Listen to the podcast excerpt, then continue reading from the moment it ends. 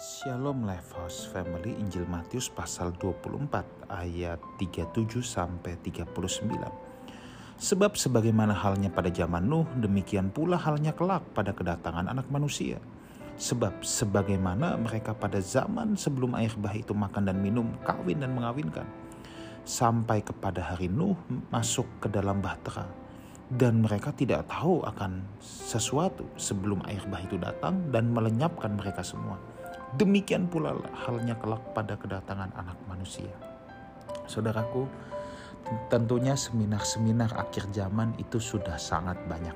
Kita harus sepakat di satu titik dulu. Kenapa seminar akhir zaman begitu diminati? Khotbah-khotbah akhir zaman begitu diminati. Sebab pada dasarnya semua orang percaya ingin tahu kapan Tuhan datang kembali dan untuk satu hal ini saya harus katakan tidak ada seorang pun yang tahu. Kalau sampai ada orang yang mengklaim bahwa dia tahu kapan Tuhan datang kembali, saya pastikan itu adalah penyesatan ya. Sebab Alkitab berkata tidak ada seorang pun yang tahu, malaikat pun tidak tahu, anak pun tidak tahu. Lalu yang menjadi persoalan kedua, kenapa orang mau tahu kapan Tuhan datang kembali? Nah, ini ada dua golongan umat percaya golongan pertama golongan orang yang pengen tahu Tuhan datang kembali kapan supaya mereka jangan sampai masih asik hidup dalam dosa mereka. Ya. Tetapi golongan yang kedua adalah orang-orang yang memang tulus, tulus rindu bertemu muka dengan muka dengan kekasih abadinya yaitu Tuhan Yesus. Nah golongan yang kedua ini jarang saudara, tidak banyak ya, tidak banyak.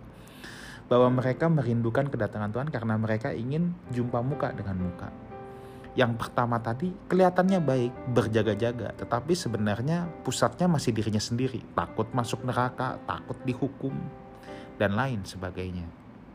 Nah, akibat dari banyak orang yang ingin tahu kapan Tuhan datang kembali, maka muncullah banyak teori. Nanti antikris, nanti masa aniaya tujuh tahun, dan lain sebagainya. Jadi orang memantau kapan antikris datang. Kalau antikris datang, kita harus siap-siap, Tuhan akan datang kembali dan lain sebagainya. Saudaraku, saya hanya ingin katakan dalam Alkitab yang jelas kapan Tuhan datang kembali, yaitu sebagaimana hal pada zaman Nuh, demikian pula halnya kelak pada kedatangan anak manusia. Saya tidak temukan di dalam Alkitab bahwa antikris adalah menjadi petanda kapan anak manusia datang. Enggak, saudara. Tetapi yang jelas secara letterleks kita tidak perlu tafsirkan lagi. Sebagaimana halnya pada zaman Nuh. Emang ada apa di zaman Nuh? Ayat 38. Mereka makan, minum, kawin mengawinkan. Sampai pada hari Nuh masuk ke Batra pun, kata Alkitab, mereka tidak tahu akan segala sesuatu. Dengan kata lain apa? Orang tidak peduli dengan Tuhan.